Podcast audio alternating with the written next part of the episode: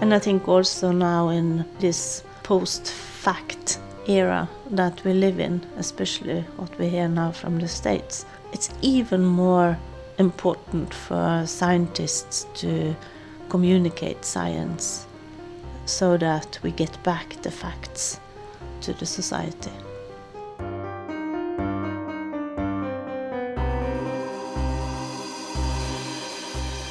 Du lyssnar på en podd om forskningens villkor. Jag heter Nathalie von der och i det här avsnittet har jag träffat Maj-Britt Mose, forskare i neurovetenskap vid Norges tekniska naturvetenskapliga universitet i Trondheim i Norge. Tillsammans med Edvard Mose och John O'Keefe tog hon 2014 emot Nobelpriset i fysiologi eller medicin för deras upptäckt av celler som utgör ett positioneringssystem i hjärnan, den så kallade inre GPSen. Idag ska vi prata om forskningskommunikation och om Starmos, en festival som förenar vetenskap och konst. Can you tell us more about the festival? Starmus Festival is a festival for science and art. So it's a way to communicate science in an artistic way to facilitate the interest for science and make people curious about science and I think that's extremely important. So now today we're at the Nobel Museum in Stockholm and we're just standing in front of a monitor that displays uh, some of the work for which you also got the Nobel Prize.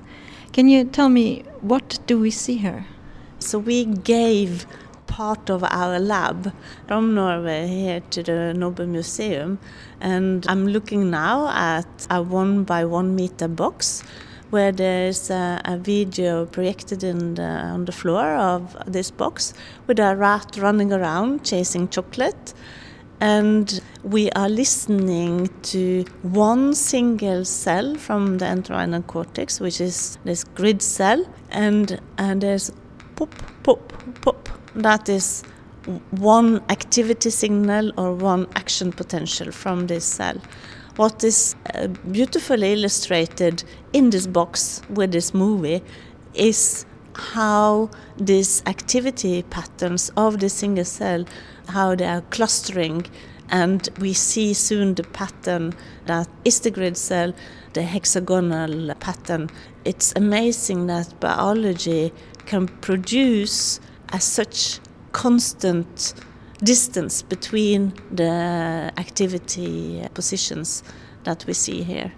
And that is the identity of the grid cell. Before in your presentation, you said that this was a good example of how to combine science and arts. Why is that? The story I'm going to tell at Starmus is pure science about such cells, the place cells, and uh, other cells in the GPS system in the brain or the positioning system in the brain. And I'm going to tell that these cells are both important for spatial navigation but also for memory. And the composer, he got signals from these cells and he translated it to music and then the classic music orchestra will play the music that the composer made from these cells that he got. So he got recorded cells with him to work on. And the story is how do these cells contribute to our memory system and spatial navigation and what happens when these cells die. And they typically die in some types of Alzheimer's disease, and especially in um, one layer in the entorhinal cortex in layer two, then these cells die. Uh, the first symptom is that these patients they lose their way, so spatial navigation ability is lost, and they lose their ability to make new memories. And we even gave the composer an example of a dying cell that we had recorded in the lab.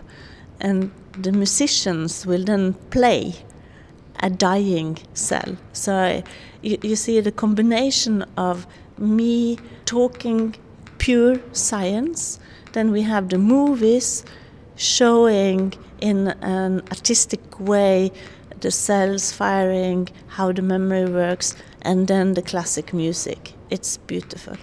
So I hope people like it. It's a test. Maj-Britt Mose ser sin främsta roll som forskare. Forskning är det hon kan och är bra på. När hon berättar om sin forskning brukar hon göra det på ett vetenskapligt sätt genom vetenskapliga artiklar eller presentationer på konferenser. Men hon tycker att det är viktigt att kommunicera till en bredare publik. Vi flyttar till ett annat rum på Nobelmuseet för att prata mer om forskningskommunikation och processen bakom att kombinera vetenskap och konst. So you're going to combine arts and science. You're cooperating with musicians, with the composer. So how is that process? It has been an interesting process because I started out with my slides that I typically use for uh, giving lectures. And then the composer came to the lab and he got recordings of the cells from the brains of animals and he translated it. And then he translated it so that musicians could play the music from the brain, and then a filmmaker made uh, movies to fit. So the way it works is that first there is a movie, and then the musicians play. Then I talk about three, four slides. Then there's a movie with music, and then another set of slides, and it goes on like this to tell the story. And it's a wonderful combination because I'm a strict scientist talking about the science, and then the musicians can give the emotional flavor to what I talk about, and especially when you come to the last part of this story where the cells start to die, and the person who has this brain with dying cells stops singing songs that she had sung her whole life. It's a very touching story, and with the music and with the movies, they can express the emotions that I can't express in my science talk. So, when you do this kind of projects, what is the biggest challenge? So, the challenge is to get a good interaction between the musicians and the movie and me so that it feels integrated. And of course, it is also a challenge both for the musicians but also for me to fall into one or the other position, either that it's so dry and boring that it doesn't give anything to the people, or it's so entertaining that the facts are sort of almost lost. So there are some challenges with communication. So how do you find a good balance there to be interesting and engaging but still not too trivial? That's a good question. So I think by keeping the science facts and present it still as facts, but using words that are more familiar, using more metaphors that are also familiar for people who don't know all the technical concepts that we have. But still, it's the same story.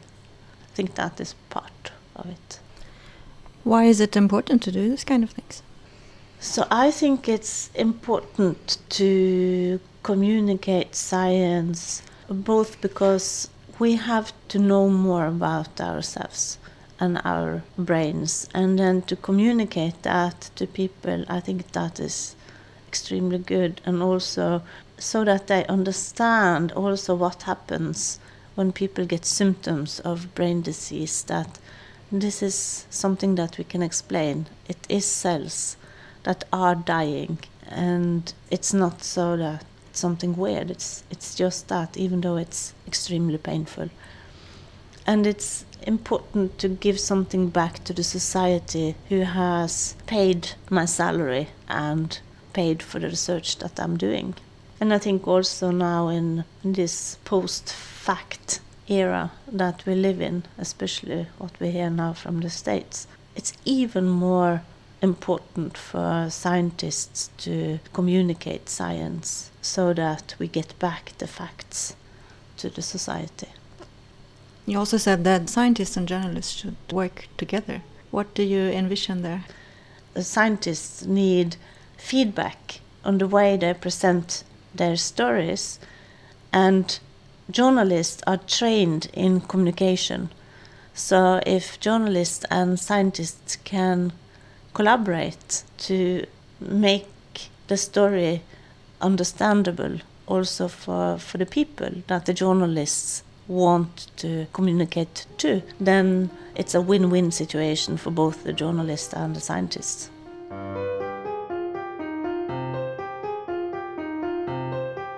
Du har lyssnat på Curie-podden, en podd om forskningens villkor. Jag som har gjort det här programmet heter Nathalie von Delia. Vi tackar Maj-Britt Mose för den här intervjun och hennes medverkan i podden. Titta gärna in på tidningen curie.se om du vill läsa mer om Maj-Britt Mose eller om forskningskommunikation. Tack för att du har lyssnat!